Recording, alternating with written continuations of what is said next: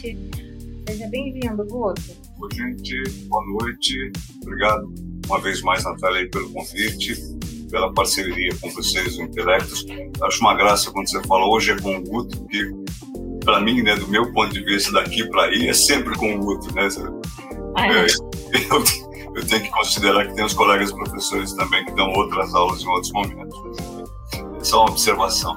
Tem um aspecto da vida do, do, da economia e, para mim, eu, Guto, gosto muito de observar esse, esse aspecto quase sem exceção, inclusive para fazer reportagens, para apresentar telejornal, que é, é para observar a vida da nação, a vida das pessoas, observar o país que a gente está, o país que a gente quer para o futuro, enfim, que é observar fundamentalmente uma coisa que sempre me atraiu e me atrai muito, que é o comportamento das pessoas.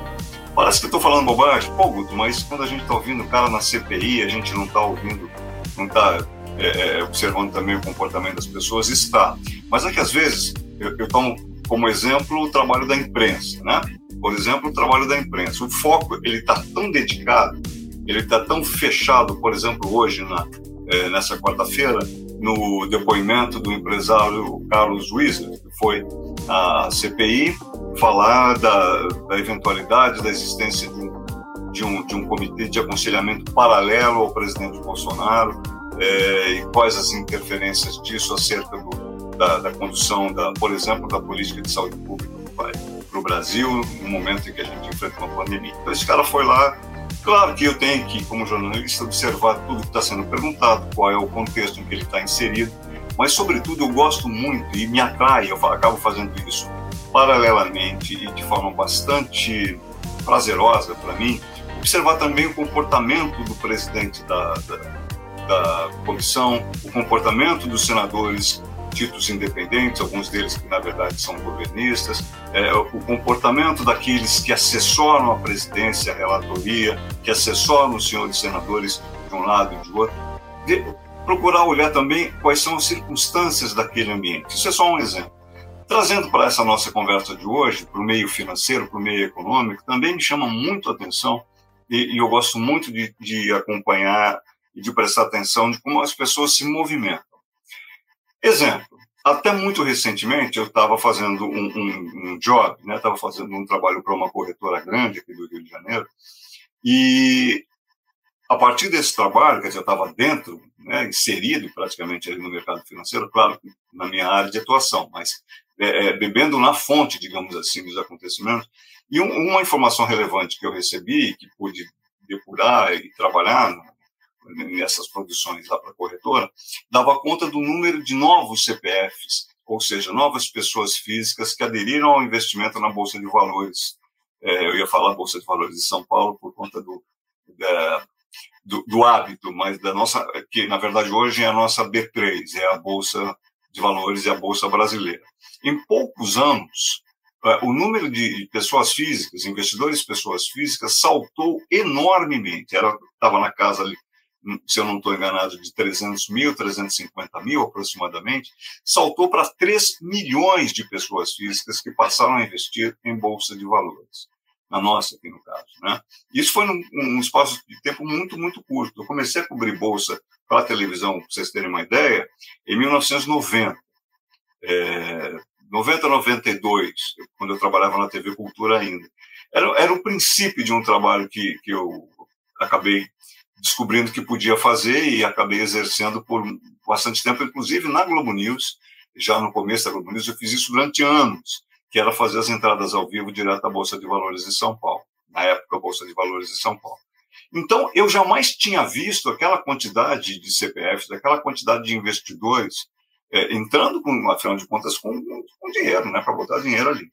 É, e de uma hora para outra, uf, parece que a coisa realmente explodiu. Quer dizer, o interesse pela renda, fi, pela renda fixa, olha, pela, pela, pela bolsa variável cresceu muito. O investidor brasileiro, mesmo muito jovem, aliás, muitos jovens, é, passaram a aderir ao investimento em bolsa com muita fidelidade, com muita intensidade, de uma forma como eu, por exemplo, que tinha alguma experiência no trato com a bolsa, jamais tinha visto. Por que, que isso tudo está acontecendo? Primeiro, as pessoas estão tendo mais interesse por investimento. É, não é estranho Não é estranho você encontrar gente, inclusive muito jovem, não como vocês que estão terminando aí o, o ensino médio, gente um pouquinho mais mais velha do que vocês, que já está na faculdade ou que acaba de sair da faculdade, gente que, por exemplo, prefere investir o dinheiro no mercado financeiro, não só o dinheiro, né? investe a vida, porque investe a carreira, vai trabalhar no mercado financeiro, investe vários aspectos da vida também no mercado financeiro, por quê? Porque este ambiente está desenhado de uma forma diferente e está recebendo a adesão de muita gente. Percebam que tem muito do comportamento aí. Olha, olha que, que, que coisa relevante. Muita gente né, no grande centro financeiro que a gente tem no Brasil, que é São Paulo, muita gente muito jovem, hoje já não tem mais carro, né? Automóvel, não tem. Automóvel é só no tempo do tio aqui de se falar. Enfim, mas não tem mais carro. As pessoas já estão usando outra, outras maneiras para se movimentar. Pode ser é, o, o, o, aplicativo, né? pode ser o Uber, pode ser o patinete, pode ser aquele, aquele que é uma roda só, aquele roda grande que as pessoas vão em cima, aquele ali eu confesso que eu não sei nem o nome, mas são maneiras diferentes, diferentes de deslocamento. Por que, que estou trazendo isso? Porque muita gente está se dando conta de que quando faz o cálculo de quanto custa manter um carro ao longo do ano, por exemplo, com IPVA, com seguro, com gasolina, com manutenção, enfim, um monte de coisa, a quantidade de grana deslocada para manter um carro é uma grana significativa que pode ser investida no mercado financeiro e ao final do ano trazer rentabilidade é, e sem a preocupação que é manter um carro. Tem uma querida amiga minha, jornalista Luciana Lancelotti, que, que é muito antenada, muito esperta, que anos atrás me disse, Guto, o carro é o cigarro do futuro. Fica para vocês pensarem. Acho até que eu já falei para os seus colegas nas aulas independentes que eu fiz aí, também sobre educação financeira, é, que tá, não, acompanhei esse programa aqui que a gente está seguindo, mas que foram aulas que eu, que eu que eu dei para três turmas aí de amigos de vocês. O cigarro é o, perdão, o carro é o cigarro do futuro. Fica aí um, um investimento a vocês fazerem, se vocês quiserem falar a esse respeito, inclusive no chat, fiquem à vontade, me digam o que é que vocês pensam. O que, eu estou querendo dizer com tudo isso é as pessoas estão buscando é, é novas modalidades de investimento, não apenas para o dinheiro, mas para a própria vida. Daí o meu interesse no comportamento, daí trazer para vocês uma visão que pode parecer até meio distante demais, mas que faz parte desse cenário que a gente vai trabalhar. Desculpe, tomar uma aguinha e vamos começar aqui para falar daquilo que tem tudo a ver com o comportamento, que eu gosto tanto de, de observar e que tem a ver com a nossa aula, que é a aula do investimento financeiro. Onde é que uma coisa cruza com a outra? Seja qual for o momento em que você se decidir fazer o seu investimento, seja numa corretora, seja num banco de investimento, seja num banco onde você já tem conta há muito tempo, ou a família tem conta há muito tempo, normalmente, é, é, para você iniciar o investimento, o agente da corretora ou do banco, que, com quem vocês trocarem informações, vai perguntar a vocês fundamentalmente o seguinte: como é o seu perfil? Você já sabe qual é o seu perfil de investidor? Se você não souber, a gente tem que procurar saber.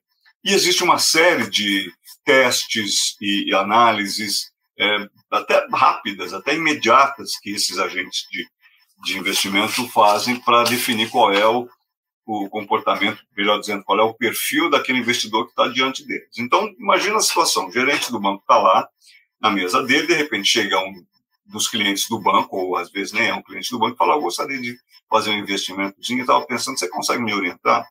O gerente do banco, quase sem sombra de dúvida, vai tentar trazer você para alguns investimentos que são bastante conhecidos, né? CDB, Certificado de Depósito Bancário, é, né, um que eu pessoalmente nem acho seja investimento, mas que para o gerente do banco quase sempre é uma meta a ser batida e ele vai tentar te empurrar aquele negócio chamado capitalização. Acho que até já mudaram o nome disso mais recentemente, porque ficou tão marcado como, como não investimento, ou como um investimento a não ser feito, que teve que haver alguma reação por parte dos agentes financeiros, dos bancos, sobretudo. Poupança, câmbio, são quase sempre os investimentos mais tradicionais. Agora, por exemplo, essa experiência é, é uma situação que eu vivenciei. Cheguei uma vez no, no banco onde eu tenho conta e, à época, eu falei com a gerente que me atendia, eu falei, mas Marisa, por que você nunca me ofereceu tesouro direto? E ela era uma pessoa que já tinha colaborado comigo muitíssimo, e eu com ela também, já conhecia havia muito tempo. E ela ficou quieta, falando: hum, é, porque o Tesouro Direto ainda não é um produto que a gente comercialize muito. Na verdade, ela, de quem uma pessoa de quem eu super, super gosto, e à época tinha um relacionamento bacana. Hoje em dia a gente já nem se fala mais, que ela já não, não trabalha mais com as minhas contas. Mas ela não quis dizer o que na prática é a realidade. O banco não se interessa por oferecer para você é, o Tesouro Direto. Desculpe, tem tomar mais uma aguinha que estou falando bastante. Porque aí, na verdade, o banco busca é, atender aquilo que eu estava falando no princípio. Ele tem metas a bater e tem que tentar trazer para você os investimentos mais tradicionais. Então, aqui, o CDB, poupança, é, a tal da capitalização, enfim. Só que existe toda uma gama de outros investimentos que é, estão colocados à disposição é, do, do, dos investidores. Daí a necessidade de definir, nesse ponto, sim, acho que não existe muito erro, é, definir qual é o perfil seu, por exemplo, quando você chega lá na mesa da, do seu banco de investimento, ou quando você quer abrir uma conta, você fala, pô, eu acho que eu tenho, sou jovem, dá para traçar um, uma, uma, um horizonte aí de, no mínimo, no mínimo, médio prazo, queria uma rentabilidade tal, e aí todos esses elementos vão ser conjugados, vão ser reunidos para tentar traçar qual é o seu perfil de investidor. Então, por exemplo, se você percebe que você tem um planejamento para aquele dinheiro que você está investindo, é, mais para longo prazo, e que você é um cara que mais é, é, avesso a correr risco, então, muito provavelmente, a, a sua orientação vai ser investir em renda fixa. Existem aí várias modalidades de investimentos em renda fixa, mas basicamente o que, que é a renda fixa? É aquele tipo de investimento que você contrata, quer dizer, você vai ao banco, por exemplo, pode ser um banco de varejo normal, contrata um, uma renda fixa, você sabe exatamente naquele momento que você está contratando é, qual é pelo menos a modalidade da renda fixa. Ou é um título pré-fixado, quer dizer, você está contratando, assina, já sabe quanto é que você vai retirar e quando vai retirar, qual vai ser o rendimento, se vai ter taxa, se vai ter imposto e tal. Tem os pós-fixados, que são aqueles títulos, tudo, tudo é título, tá? Renda fixa é tudo título é, emitido, normalmente é tudo, por, se não forem é, debêntures, serão títulos é, originários do Tesouro Nacional, ou seja, do títulos da dívida do governo federal. O pós-fixado é aquele que vai depender da variação da inflação, quer dizer, você contrata hoje, estima a inflação para o período X em que você vai deixar aplicado, e ao final você tem uma, uma estimativa de quanto você vai poder resgatar, por exemplo, ao final de seis meses, ao final de um ano. Nesse momento em que há informações, olha como o cenário macroeconômico é importante e vai pesar para suas definições. Nesse momento que a inflação dá sinais de que vai subir, está em ascensão, uma compra de CDBs nesse nível pode ser interessante, porque a tendência é que a inflação traga para você uma correção mais interessante. Ou seja, né, tem um pouco de perversidade se a gente olhar bem. Você vai se dar bem se a inflação estiver subindo e você tiver apostado na subida da inflação. Pô, mas que, que, coisa, que maldade. Não, isso é do jogo, isso faz parte. O mercado financeiro é assim. Né? E a gente, mais para frente a gente vai ver outras modalidades também que, que consideram isso. E tem a, a, contratação da renda fixa dita híbrida, que tem um pouquinho de, de, de rendimento pré-fixado, se você contrata na hora, pós-fixado, que pode, por exemplo, variar com o custo da inflação, e essa composição dos dois, e por isso é chamado de, um, de, de renda fixa, que pode ser, inclusive, híbrida. O mais tradicional, mais conhecido dos ativos de renda fixa é o CDB, que é o Certificado de Depósito Bancário, que é um título bastante conhecido da renda fixa brasileira, é oferecido por bancos, por, é, enfim, por, por, instituições financeiras e rende juros superiores à poupança. Tem que fazer uma alusão aqui à parte para a caderneta de poupança, porque na é, é, memória até afetiva do brasileiro, eu quando, me lembro bem quando era criança, todo mundo queria ter uma poupança para as crianças. Né? A poupança hoje em dia no Brasil já não é mais aquele mesmo investimento, né? continua sendo seguro, absolutamente seguro, porque as principais instituições garantem a poupança. O que ela já não oferece de tão bom é o rendimento. Existem informações, é, perdão, é, é existem ativos, existem aplicações, investimentos no mercado financeiro que têm um retorno bastante mais importante do que a caderneta de poupança, que rende 70% da taxa de juros mais a TR, que é a variação referencial. A grande vantagem é que, no caso da poupança, ela não tem cobrança de imposto. Isso faz toda a diferença. Algumas das outras aplicações têm cobrança de imposto, tem a cobrança de IOF, se você não deixar por um, que é imposto sobre operações financeiras, né, IOF, não deixar por um prazo mínimo de 30 dias. Enfim, então a poupança hoje em dia, não que ela não seja mais um, um, um investimento seguro e atraente, ela até é, mas é que existem outros investimentos bem mais interessantes, sobretudo do ponto de vista do retorno. Mas eu não quero perder o fio da meada, porque eu quero falar ainda um pouquinho mais do perfil, né? Então, você como investidor, como, onde é que você se encaixa? Você é um cara conservador, você é um cara moderado ou você é um cara arrojado? O retorno dos seus investimentos vai depender fundamentalmente da definição deste perfil. Em linhas gerais, vou até tentar resgatar aqui quais são as definições desses perfis. Eu tenho nos meus guardados aqui é, um pouco do, do perfil do investidor Vamos lá, vamos recuperar aqui para vocês. O investidor considerado conservador é aquele. Poxa, só porque eu falei, não estou. Ah, encontrei, vamos lá. É, como eu estava falando para vocês, existem vários tipos de investimentos, alguns são bem mais arriscados do que os outros. Não há problema com isso, faz parte do jogo, desde que você sabe que o jogo a ser jogado é esse. Faz parte, por exemplo, do, dos investimentos em renda variável, por exemplo, oscilar bastante. É o caso da Bolsa. Então, você precisa ter perfil para aquilo. Poxa, sou jovem, tenho um dinheirinho disponível, vai poder ficar lá por um tempo legal? Ok, mas você precisa ter sangue frio também para acompanhar as oscilações da renda variável da Bolsa, no caso. De maneira geral, os investimentos em renda variável ganham mais no longo prazo. Então, você, muito jovem, tem tempo e pode deixar lá, de repente, é, é uma excelente opção para você poder deixar esse, esse investimento lá aplicado por um tempinho mais, mais dedicado. Por exemplo, a renda variável, considerada uma, um investimento de renda mais agressiva, agressiva no bom sentido, mais voltada, portanto, para aquele investidor que é mais arrojado, é um cara que tem um perfil que é, admite mais risco para a rentabilidade dele, admite mais risco para o dinheiro dele, que vai oscilar bastante, mas que tem tendência de, no médio para longo prazo, sobretudo no longo prazo, ter uma rentabilidade melhor.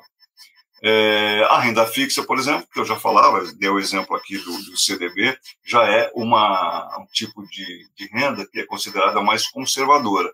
É o cara que, por exemplo, já não é tão jovem, né? mas que tem uma expectativa de usar aquela grana que ele está aplicando, no mínimo, no mínimo, do médio para o longo prazo. Só que ele precisa ter uma garantia, vamos chamar assim, de que ao colocar o dinheiro dele, ao contratar o dinheiro dele na, naquele título, ele vai ter uma rentabilidade que ele possa prever e que seja garantida para ele. É uma, um tipo de aplicação, de investimento mais chamado do perfil conservador. O cara bota a grana lá, mas ele não quer acompanhar aquela montanha russa da sobe e desce da renda variável. Ele quer ter uma, uma posição minimamente mais consolidada. Sabe, estou contratando hoje, vou deixar por 90 dias, vou tirar quanto? Normalmente a pessoa feita a renda fixa gosta muito disso.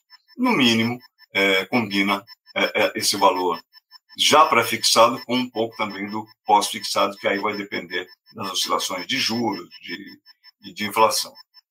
Estou é, procurando aqui para vocês um pouco mais a respeito dos perfis. As pessoas que, que querem, eventualmente, um. É, é, como se a gente fizesse uma comparação. Estou tirando aqui da, da Rico Investimentos uma comparação que é interessante. Então, primeiro, você é mais ou menos afeito a risco. Você vai precisar do dinheiro no médio ou no longo prazo. Você tem plano para ele. Ou você consegue combinar um pouco das duas coisas. Isso é a primeira definição que você tem que tirar para você mesmo. Sabe, poxa, eu, eu, não, tudo bem, com meu dinheiro eu não quero arriscar. Ah, não, tudo bem, eu até arrisco um pouco mais se eu tiver um rendimento melhor.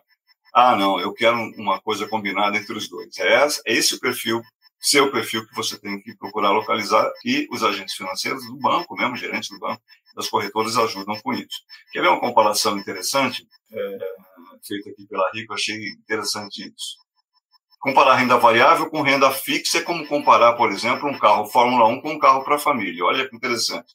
Uma das comparações possíveis, um dos elementos possíveis de, de atração, é considerar que o carro, um deles, né, ou o carro da família, ou o Fórmula 1, é feito para ser competitivo e para ser veloz. Ele deve dar o máximo de si para conseguir estar à frente de todos.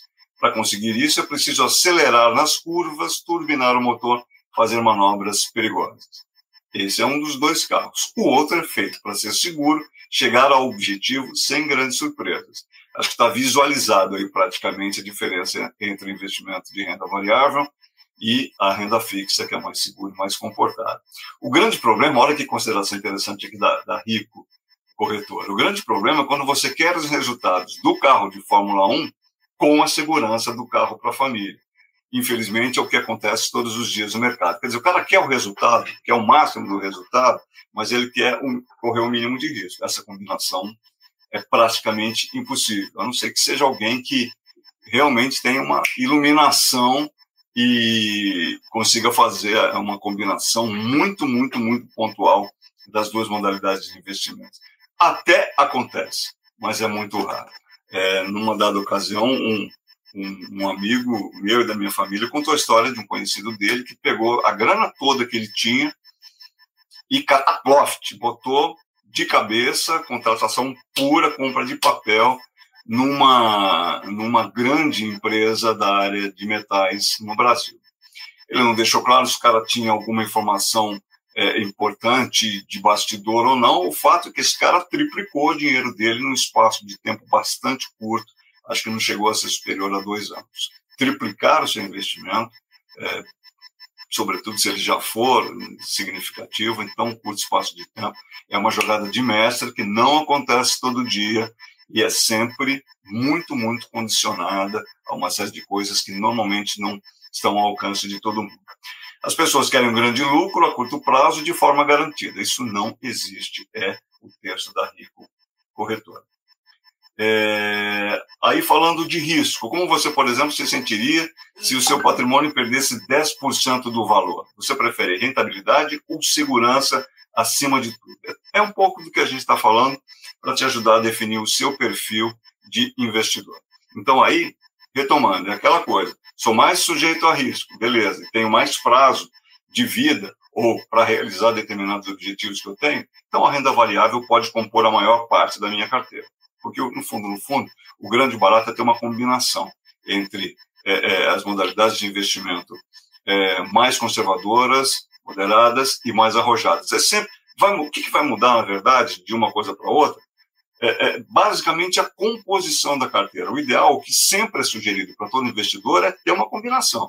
O que vai mudar é quanto você concentra em, por exemplo, renda fixa e tesouro direto, quanto você concentra em renda variável, que é bolsa de valores, sobretudo. Isso acaba variando de acordo aí sim com o perfil que estou descrevendo para vocês. Tenho mais tempo, vai ficar parado o dinheiro, meu volume de dinheiro a investir já é grande, já é significativo, e é claro, quando você tem um, um volume de dinheiro maior, que vai ficar atrelado, vai ficar vinculado à instituição financeira, a própria instituição tem o dever de ofício, inclusive, trabalhar para que você para te oferecer rentabilidade maior, né? Quem tem menos volume financeiro para ingressar, também vai ter sua rentabilidade, mas não acontece de ser a mesma daquele investidor que está com dinheiro, está é, tá mais capitalizado para deixar o dinheiro parado por mais tempo. Né? Essa, essa coisa eu acho que é compreensível e faz parte do jogo. Estava falando para vocês do perfil, é, vou falar um pouquinho das modalidades de investimentos, já vou começar pela poupança, porque ela é, é tipo sagrada para a família brasileira ela é. Poxa, eu me lembro que eu, quando era mais jovem, a gente ganhava uma poupança do tio, ganhava uma poupança é, de alguém mais velho da família, avô, avó. Era um barato, porque principalmente criança, né, adolescente, pô, você vai ter a poupança, vai ter a vida inteira para rechear essa poupança. É, hoje em dia isso já mudou um pouco, porque o que existe para ser oferecido já é bem mais variado. Mas vamos lá, vamos falar da poupança um pouquinho que é o, é o, investimento mais popular do Brasil, até hoje ainda é, só que está longe de ser recomendado, não porque não seja bom, é porque poderia ser muito melhor. Apesar de ser uma aplicação segura, o rendimento real com desconto da inflação é muito baixo, pode até ser nulo em períodos de inflação alta. Lembra que eu estava falando? Ela varia uma parte da, da taxa de juros e da taxa referencial, não tudo. Então, né, quer dizer, se você bobear, nem a, a reposição da inflação você consegue o seu dinheiro em poupança. E se você não conseguir nem a reposição da inflação, aí na verdade você está, é nem que você está deixando de ganhar, você está perdendo dinheiro. É, outro investimento que é muito frequente é o CDB, uma aplicação em título de crédito dos bancos. O seu gerente do banco fala dele para todo mundo, em geral é assim. É, mas, de maneira geral, os grandes bancos possuem um rendimento muito pequeno para os seus CDBs. Então, a dica: invista em CDBs apenas em corretoras que reúnem diversos papéis de bancos médios e pequenos, ou seja, eles fazem uma cesta de papéis, não é apenas o papel que é daquele banco, né? mas uma cesta de papéis, e aí acaba garantindo com isso um bom retorno em termos de taxas de, de juros, que é de onde vem a sua rentabilidade. Estava começando a falar da composição dos, dos investimentos, que no fundo, no fundo, é, a, a, grande variação é o quanto você vai investir em cada modalidade. E, no, e a ideia aqui é, e vale para todo mundo, falar um pouco é, do quanto é importante, na verdade, é quanto é indispensável você diversificar os seus investimentos. Ah, poxa, não, mas eu queria botar um pouquinho na poupança. Ok, então põe lá 1%. Vai, só para você deixar quentinho o coração da sua vovó ou do seu, da, do seu pai mãe, mas você sabe que aquilo ali não vai, não vai te trazer um ganho de patrimônio significativo, né? É, mas enfim, e o restante eu vou botar é, em tesouro direto e um pouquinho na bolsa. Essa é uma opção. Essa diversificação, o barato é ser sempre diversificado. O barato é sempre considerar que existem as modalidades diferentes, não ficar preso, não ficar refém de uma única modalidade de investimento. Você não precisa escolher apenas uma categoria. Na verdade, o mais recomendado, como dizia, pelos especialistas, é exatamente diversificar.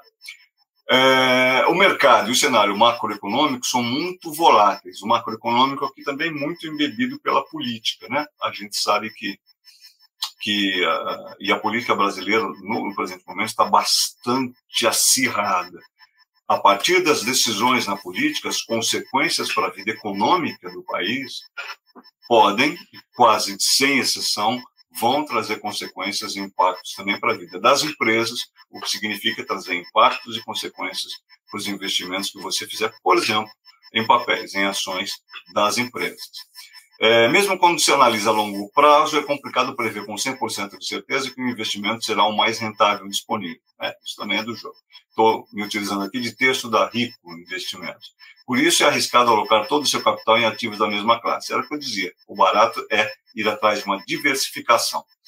É, já ouviu falar aquela frase? Nunca coloque todos os ovos na mesma cesta? É precisamente disso que a gente está dizendo. Não tenha uma única fonte de investimento, mas procure sempre considerar os aspectos fundamentais de acordo com o seu perfil, por isso insisti tanto na questão do comportamento, de acordo com o seu perfil, se você considera mais a possibilidade de assumir mais risco ou se necessariamente você quer ter rentabilidade mais assegurada, se você tem prazo curto, médio ou longo para dispor e ter informações acerca do mercado em que você está. Melhor investimento hoje, segurança, rendimento, praticidade, eficiência, diversidade, tudo isso faz parte da sua escolha, deve fazer parte da sua escolha. Se você entende isso, é, vamos tomar um exemplo aqui. 2019 foi um ótimo ano para começar. Lembra que eu estava falando das pessoas que ingressaram, os novos CPFs que vieram para a Bolsa de Valores? 2019 está bem no meio dessa, dessa ciranda aí. Muita gente ingressando, muita gente vendo que, inclusive, por exemplo, aos olhos dos investidores estrangeiros, o mercado brasileiro é, e isso desde o tempo em que eu ia lá para a Bolsa de Valores todo dia, um mercado muito atraente, porque tem papéis de grandes empresas, até de algumas empresas estatais importantes de capital aberto, Petrobras, por exemplo, Eletrobras e outras, e que são, sobretudo aos olhos do investidor estrangeiro, muito, muito, muito baratos. Não é difícil de entender quando você pensa que o, o dólar está 1 para 5, quando você pensa em comprar, você está lá fora, você pensa em comprar um papel de uma empresa brasileira, estatal ou, ou 100% privada, você vai falar, poxa, 1 para 5 dá para botar cincão ali e fazer um dólar para comprar um papel de uma empresa boa no Brasil que tende a ter um resultado importante no ano. Sempre considerando uma coisa também que é importante é, alguns dos investimentos estão atrelados, como eu disse, à inflação. Eu, eu tenho tesouro direto, que é atrelado à inflação, quer ver? Vou trazer para vocês. Outros são atrelados, por exemplo, à taxa Selic, que é a taxa de juros e a taxa de referência do, do, do mercado brasileiro. E aí, como dizia, é, a renda variável no, também se beneficia ou não, oscila de acordo com o cenário político e econômico como um todo. Quer dizer, a vida real está congregada, sim, ao investimento financeiro. E é sempre bom estar atento àquilo que é investir, aquilo que é a vida onde a gente bota o pé no chão e para a gente tentar divisar qual vai ser o retorno que a gente vai obter a partir, por exemplo, dos investimentos e dos é, papéis, dos títulos, das aplicações financeiras que a gente fizer. É, uma forma de você tentar combinar um pouco da, da, do apetite que eventualmente você tenha por risco é, maior, pelo o prazo que você tem é, para manter o seu investimento aplicado, é, comportado ali, é, funcionando, é, por exemplo, a indústria de fundos. Um fundo de investimentos é formado normalmente por uma carteira de ativos financeiros, é um pacote, é uma cesta de ativos financeiros, e é oferecido por administradores que disponibilizam cotas para captação de recursos. Então, você tem lá um grupo de pessoas que gerencia esses investimentos e compõe uma, uma grande cesta, ali está incluído um pouco de renda variável, um pouco de renda fixa, às vezes até câmbio, fundos atrelados ao mercado de imóveis, papéis do mercado do agronegócio, enfim, tudo combinado. Eles fazem, vamos, vamos pensar assim, um bolo, um bolo mesmo, divide aquele bolo em várias fatias, que podem ser chamadas de cotas, e negociam essas fatias, negociam essas cotas para as pessoas que queiram ingressar nesse fundo. Né? É uma das maneiras. Por que, que é interessante também? A indústria de fundos tem se beneficiado muito disso. Porque, de maneira geral, de, dependendo, claro, da composição daquele fundo, de quem está gerenciando aquilo para você, se tiver uma perda mais importante num determinado papel de bolsa, pela escolha que foi feita para compor aquele, aquele bolo, a receita para aquele bolo, se um papel perder muito, outro pode recuperar, pode, inclusive, é, é, zerar aquela perda e até trazer uma rentabilidade adicional, independentemente do fato de você, com aquele papel em particular, não ter ganhado dinheiro, ter até perdido mesmo. Por quê? Porque faz parte do fundo. Como você comprou a cota, você comprou uma fatia do bolo, então você tem sempre a fatia como um todo. Uma coisa tende a compensar a outra. Isso normalmente traz mais segurança para quem investe em fundos. Não é, por exemplo, o papel puro da bolsa, como aquele amigo do meu amigo que pegou um dinheirão e botou lá, mas ele fez. Isso aqui teve uma iluminação transcendente completamente estratosférica é, e sobrenatural e acabou tendo um, um insight, uma informação ali que o fez perceber que existia uma possibilidade de crescimento muito grande. Isso é extremamente raro, extremamente difícil. O natural, o mais normal é de pouquinho, ir de pouquinho em pouquinho, por exemplo, através da indústria de fundos, vendo o dinheiro crescer. Aqui entra um aspecto que é bastante importante. É, durante muito tempo se falou, é, inclusive aqui no Brasil, que investimento era coisa para gente rica. Hoje em dia, é, isso pode e deve ser muito relativizado. Vocês podem sim ter muito claro na cabeça que existe mais de uma chance, digamos assim, para você ter o melhor retorno possível para o seu dinheirinho suado que você tem para aplicar ali no, no mercado financeiro. Existem, por exemplo, hoje, modalidades de investimentos que te permitem investir a partir de 30 reais por mês. Estou procurando aqui para trazer o exemplo para vocês. O Tesouro Direto, por exemplo, que é uma modalidade de investimento que se tornou uma espécie de queridinha dos investidores de um tempo para cá, recentemente, é, permite que você faça investimentos, dependendo da instituição pela qual você ingressa, evidentemente, é, valores muito, muito pequenos, já a partir da, do primeiro investimento. Tesouro Direto é, permite fazer aplicações com valores a partir de 30 reais. Eu não estava enganado, é exatamente isso. E oferece liquidez diária para todos os papéis. Aqui um aspecto importante. O que é essa liquidez diária? Pô, vou deixar o meu dinheiro lá, ok, ele vai girar, até vou poder deixar ele por um, por um tempinho um pouquinho maior, 40 dias, 60 dias, mas ao final de 60 dias, talvez de uma hora para outra eu precise. Isso é legal quando você tem um, uma, um investimento como Tesouro Direto, porque ele te permite a liquidez. O que é a liquidez? É o fato de que rapidamente o dinheiro deixa de figurar apenas naquele mercado do Tesouro Direto e ele se transforma em dinheiro na sua conta. Isso é liquidez. Quanto mais chance de fazer isso rapidamente o investimento tiver, mais líquido ele é. Por que, que ele é líquido? O que, que é esse o termo? Porque o mercado volta a se interessar por ele, você está vendendo o seu título do, do, do, Tesouro Direto, daqui a pouco vai aparecer rapidamente alguém para comprar. E quando você vende alguém compra, aquela compra já retorna para você é dinheiro na sua conta muito rapidamente. Isso é liquidez, isso tem que fazer parte das suas considerações para a hora que você for investir o seu dinheiro. É, além disso, o Tesouro Direto não é restrito a poucas instituições financeiras, investidores podem aplicar por meio de diversos bancos e corretoras de valores. Na plataforma do Tesouro Direto, há várias opções de títulos públicos à venda para perfis diferentes de investidor. Lembra? Sempre volta essa história do perfil. É possível escolher diferentes indexadores, juros, inflação, prazo de vencimento e fluxos de remuneração. É um pouco de tudo aquilo que a gente está falando desde o princípio. O Tesouro Direto nada mais é do que você emprestar dinheiro para o governo. Você está comprando título, ou talvez a melhor expressão fosse alugando, mas enfim, papéis do governo. Então você bota dinheiro no Tesouro Direto, você ajuda o governo a pegar uma massa de dinheiro de todo mundo e, sobretudo, é, canalizar para obras de infraestrutura. É muito marcante essa canalização e, ao mesmo tempo, você ganha em segurança, porque dificilmente o tesouro de um país vai quebrar, vai deixar de existir. Isso num, país com, do porte do Brasil, por exemplo, esse risco é, não é nem zero, acho que chega é negativo ou nulo no mínimo. Então, a sua segurança é muito grande, a rentabilidade é bem interessante e os prazos para você deixar também são bastante flexíveis, além de ter a liquidez, dependendo da modalidade que você escolher, tem a liquidez. Poxa, não esperava, mas daqui 10 dias vou precisar sacar. Você vai sacar, vai ter a rentabilidade e o dinheiro rapidamente vai voltar para sua conta. Há três grupos de títulos públicos, Tesouro Direto: pré-fixados, pós-fixados e híbridos. Né? Lembra do CDB? Pré-fixado. Estou contratando agora, sei quanto e quanto e quando vou sacar. Pós-fixados, aqueles que derivam um pouquinho dependendo da, do custo da taxa de juros, do custo da inflação, e os híbridos, que combinam um pouquinho de cada um. Nos pré-fixados, no momento da compra, você sabe exatamente quanto vai receber. Nos pós-fixados, você conhece os critérios de remuneração, mas só vai saber o retorno total no momento do resgate, quer dizer, na hora que você for pegar de volta o seu dinheiro. É, e normalmente eles são atrelados a um indexador que pode variar, né? É o que eu dizia, inflação, juros. Há também os títulos híbridos, que têm parte da remuneração definida no momento da compra e o restante é atrelado à variação da inflação.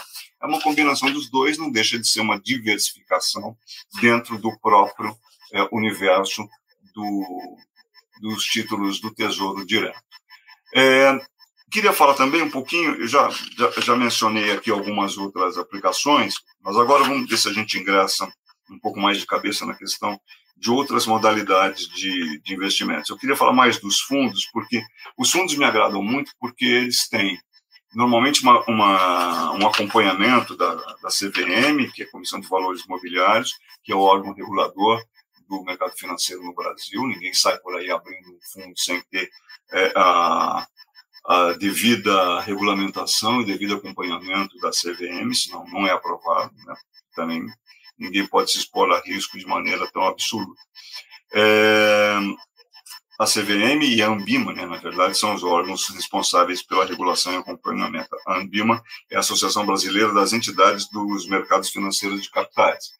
Quer dizer, o fundo, em estando é, categorizado, não, cadastrado, vamos dizer assim, não sei se essa é a melhor palavra, nessas entidades, é um fundo que você pode confiar e que vai te oferecer te oferecer segurança e rentabilidade também do ponto de vista de ser uma instituição sólida. É, a, a, o barato é o seguinte, Tesouro Direto ele veio no, muito no sentido de facilitar a, a, sua decisão, de ser prático, de ser moderno, de ser rápido. E tem muito a ver com essa cabeça do momento. Né? Lembra que eu estava falando? Pô, tem gente que já não quer mais nem se deslocar de carro. Essas coisas todas estão realmente mudando.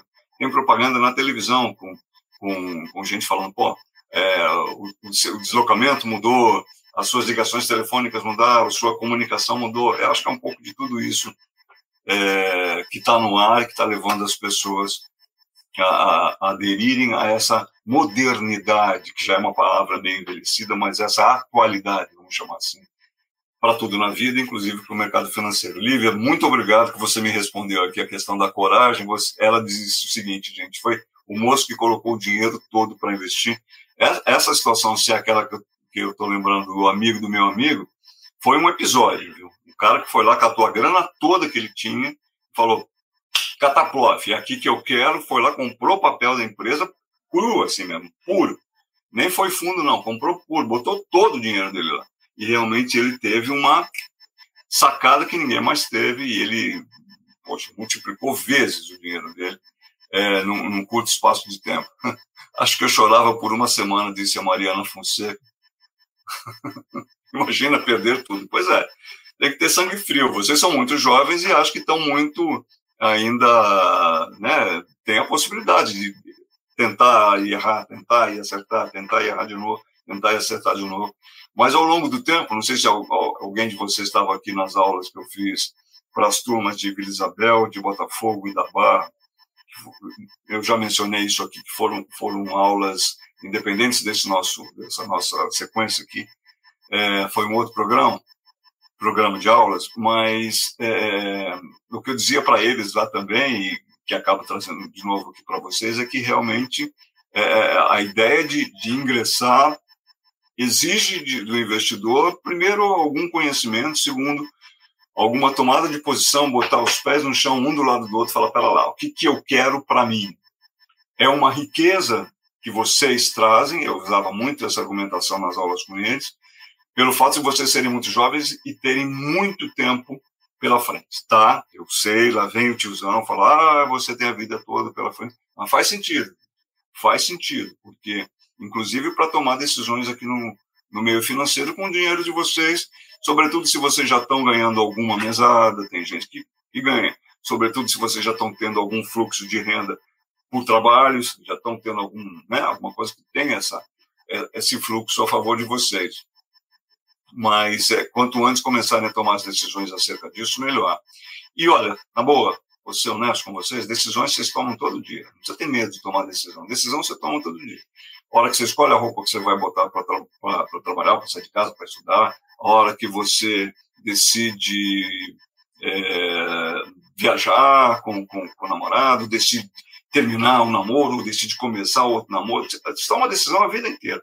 Então não precisa ter medo de tomar decisão também para cuidar do dinheiro de vocês, porque isso é natural da vida da gente. Aliás, quanto mais natural a gente conseguir encarar, quanto como mais natural que a gente conseguir encarar, mais fluida a coisa né, se dá, mais natural a coisa passa a transcorrer. Como tudo na vida, como tudo que, que faz parte da, da vida humana. É, Achei uma graça aqui a Mariana Fonseca. Acho que eu chorava uma semana se perdesse tudo. Jesus, disse a Lívia. Eu chorava por anos. pois é. é. Tem gente que já, já, já viveu essa situação de, de não ingressar com, com devido respeito pelo, pelo mercado financeiro e, e teve gente que já quebrou a cara. Já teve gente que ficou muito rico também.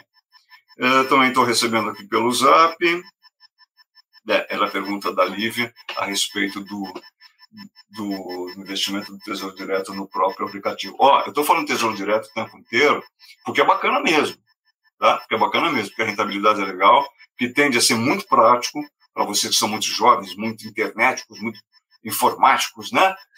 Mais fácil ainda, mas toma cuidado, né? Vai lá, se informa direitinho primeiro, é, se tiver interesse, entra no site das corretoras, tá cheio de site responsável, é, sério na internet, acessível a vocês. Se tiver dúvida, tem serviço de atendimento ali. Tira as dúvidas primeiro para não se arrepender depois. Lá vem ali, professor. Adoro quando me chamam de professor, é uma honra para mim vocês me chamarem de professor, porque eu sou jornalista. Então aqui eu estou tentando passar um pouco mais da minha experiência para vocês de observador. Mas gosto quando vocês me tratam assim respeitosamente e carinhosamente como professor. Qual você acha que seria o melhor tipo de investimento para a nossa idade? Vocês que são como eu estou dizendo, bastante jovens, tem que pesar. É, eu, vou, eu sei que vou chover um pouco no molhado, mas tem que considerar aquilo. Olha, eu quero guardar grana porque eu quero estudar fora. É uma possibilidade. Eu quero guardar grana porque eu quero muitos de vocês que são, são jovens assim, eu ouvi tanto essa conversa, eu ouvi tanto essa conversa. As coisas mudam, mas muita gente diz isso. E se tiver alguém aí que já ouviu essa frase, por favor, entra aqui no, nos comentários no chat e me fala, eu já ouvi, tá? Prof, eu já ouvi. Aquela velha frase que é assim, ah, eu quero me aposentar antes dos 30 anos. Imagina, 30 anos para você está tão longe. Ah, não, eu quero fazer meu primeiro milhão antes dos 30 anos e parar de trabalhar e só aproveitar. Alguém já ouviu essa frase? Tenho certeza que sim. Tem gente que tem esse tipo de planejamento. Então, quando a Lívia, por exemplo, me pergunta qual é o melhor tipo de investimento para a nossa idade, eu continuo achando, Lívia, que mesmo que seja com a ideia de se aposentar antes dos 30 anos, o que eu acho muito difícil, ainda mais no Brasil hoje em dia, ninguém né, tem facilidade mais para se aposentar. Olha lá, a Lívia me dizendo, já ouvi, tinha certeza. É a composição, a diversificação do investimento. Vocês não vão fazer isso sozinhos, mas, né, por mais que, que até algumas instituições ofereçam aplicativo aí para fazer o Tesouro Direto, existe. também tem, não sei, eu não sei de todas, não, não, não, posso falar de todas, mas sei que existe alguma coisa nessa, nessa, nessa linha, porque é uma plataforma, vai estar lá aberta. Assim como, deixa eu até colocar aqui para vocês, aí acho que já é uma coisa mais profissa, é, tem os home brokers, não sei se vocês já ouviram falar também, home brokers. É, olha lá, parece a frase da Betina, a ilusão de aposentantes dos 30, né, Mariana? Né, Lívia?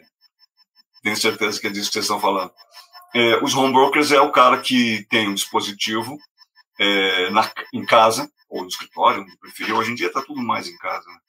É, e ele opera e compra e venda de ações, ações no mercado financeiro de casa. Isso também existe já, já não é de hoje, já tem faz um tempo e cada vez tem mais adeptos. Então, tudo está tendendo a se aproximar de, de, de vocês, dos investidores, de, de, maneira a inovar nesse sentido, facilitar as coisas, o que, num certo sentido, também exige da gente cada vez mais informação, pensa bem. Vai que ser, ah, pô, um amigo meu me contou a história de uma de um investimento aqui numa companhia de, sei lá, um laboratório de análises que vai bombar. Pode ser que sim. Tem uma grande empresa, por exemplo, que está vindo, a gente está no Rio, né? Que está vindo agora para o Rio de Janeiro, é uma grande empresa de varejo, é, que está instalada em vários estados brasileiros, não sei se todos, mas esparramada pelo Brasil, que não tem aqui no Rio. Hoje eu li, posso até tocar algum atrás, mas hoje eu li que essa grande empresa está desembarcando no Rio de Janeiro com nada menos do que 50, vou botar um zerinho aqui, 50 endereços. É uma empresa de varejo importantíssima. Não vou me atrever a falar o nome, porque eu acho que é, né? não quero induzir ninguém a nada, mas é uma grande empresa de varejo, já muito bem representada no mercado, e está desembarcando com 50 endereços. Será que os papéis dessa empresa aí não vão ganhar nesse desembarque? Muito provavelmente sim. Só que aí o cara que está operando em casa, opa, vou comprar tudo dessa empresa aqui. Calma lá, pensa bem, se orienta, se informa, que é o ponto fundamental.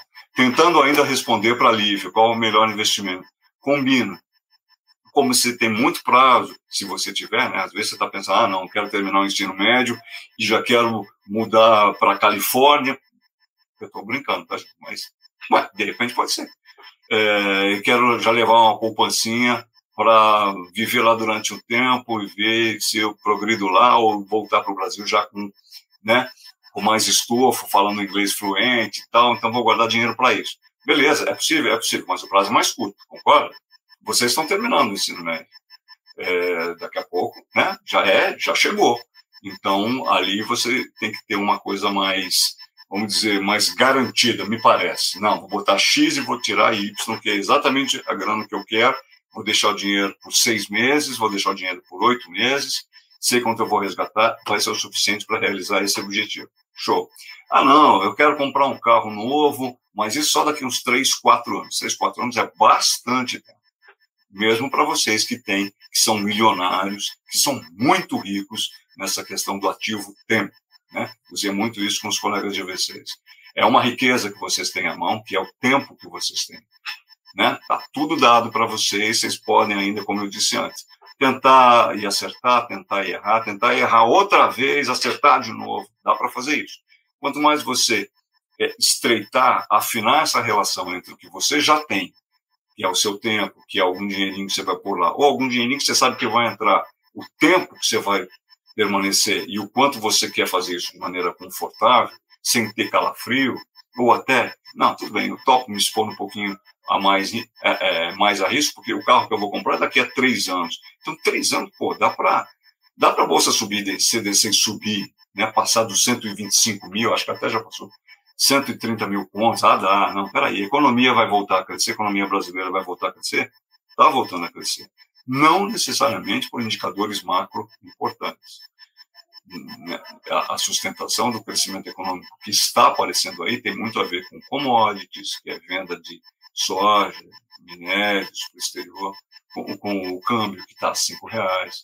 Então, né, alto lá, porque ainda tem muito desemprego, porque a inflação voltou a subir, porque agora vai subir mais ainda, porque o governo acabou de definir, agora foi, acho que ontem, anteontem, uma sobretaxa em cima da pior taxa de, de custo de energia elétrica, isso impacta a casa de vocês na conta de luz, a grande empresa que precisa de energia para produzir, e tudo isso acaba voltando para o bolso de quem? Do consumidor. Inflação vai corroer um pouquinho do investimento que não tiver atrelado à inflação. Quem, porventura, tiver apostando na alta inflação, olha, se não é uma oportunidade. Mas, né, fica tudo na cabeça da gente. Enfim, eu acho que o fundamental é essa combinação. Não tem como correr, gente. Por isso que eu tentei fazer uma aula um pouco diferente, porque se eu ficasse aqui só com LTN, CDB, CDI, NFT, é, né, eu acho que vocês iam se chatear muito mais do que já se chatearam com essa conversa do, do tiozão aqui a respeito do, do mercado. Então, passando a régua, procurem saber o que, é bom para mim, antes de tudo. Não, eu prefiro ter a certeza de que eu vou botar um dinheiro X e tirar um dinheiro Y, que é igual a X mais linha, em tanto tempo. Ah, não, beleza, eu tenho um plano só para daqui a oito anos, então vou botar lá e esquecer, não quero me aborrecer. Para cada situação dessa tem uma modalidade. E vocês têm muito a favor de vocês a questão. Vou insistir, vou me repetir. Vou ser chato, mas um chato para o bem, um chato do bem, que é a questão do tempo que joga a favor de vocês. E só para completar, juro mesmo que é para completar, que a gente já está fazendo a nossa hora inteira de aula, olha que eu falei bastante, mas passou até que rápido. Quando vocês são jovens como vocês, e aí eu acho que eu respondo você melhor, viu, Liv? Quando vocês são jovens, ainda mais vocês podem aproveitar um grande elemento que trabalha a favor de vocês, que são os juros compostos. Com os colegas de vocês do, do, do curso paralelo, né, do curso à parte, eu já falei disso. Mas volto a falar aqui para vocês também, que vale a pena quando você consegue botar o dinheirinho lá, que sejam uns 30 reais por mês que a gente falou do Tesouro Direto, e no mês seguinte mais 30, e no outro mês mais 30, a grana vai começar a crescer em cima desse dinheiro que você está pondo lá, certo? Só que no final do primeiro mês, você já vai ter o resgate dos 30 mais os juros que você ganhou. Ó, isso é bem legal. No segundo mês, se você conseguir botar mais 30, você já vai ter 30, mais 30, mais os juros do primeiro 30, mais os juros do segundo 30, que vai fazer um, uma cesta. E aí, no final do terceiro mês, terá sido o rendimento em cima da cesta que você vai conseguir. Tentei explicar rapidamente, mas aí é que estão os juros compostos. Os juros empurrando juros, empurrando juros, empurrando juros.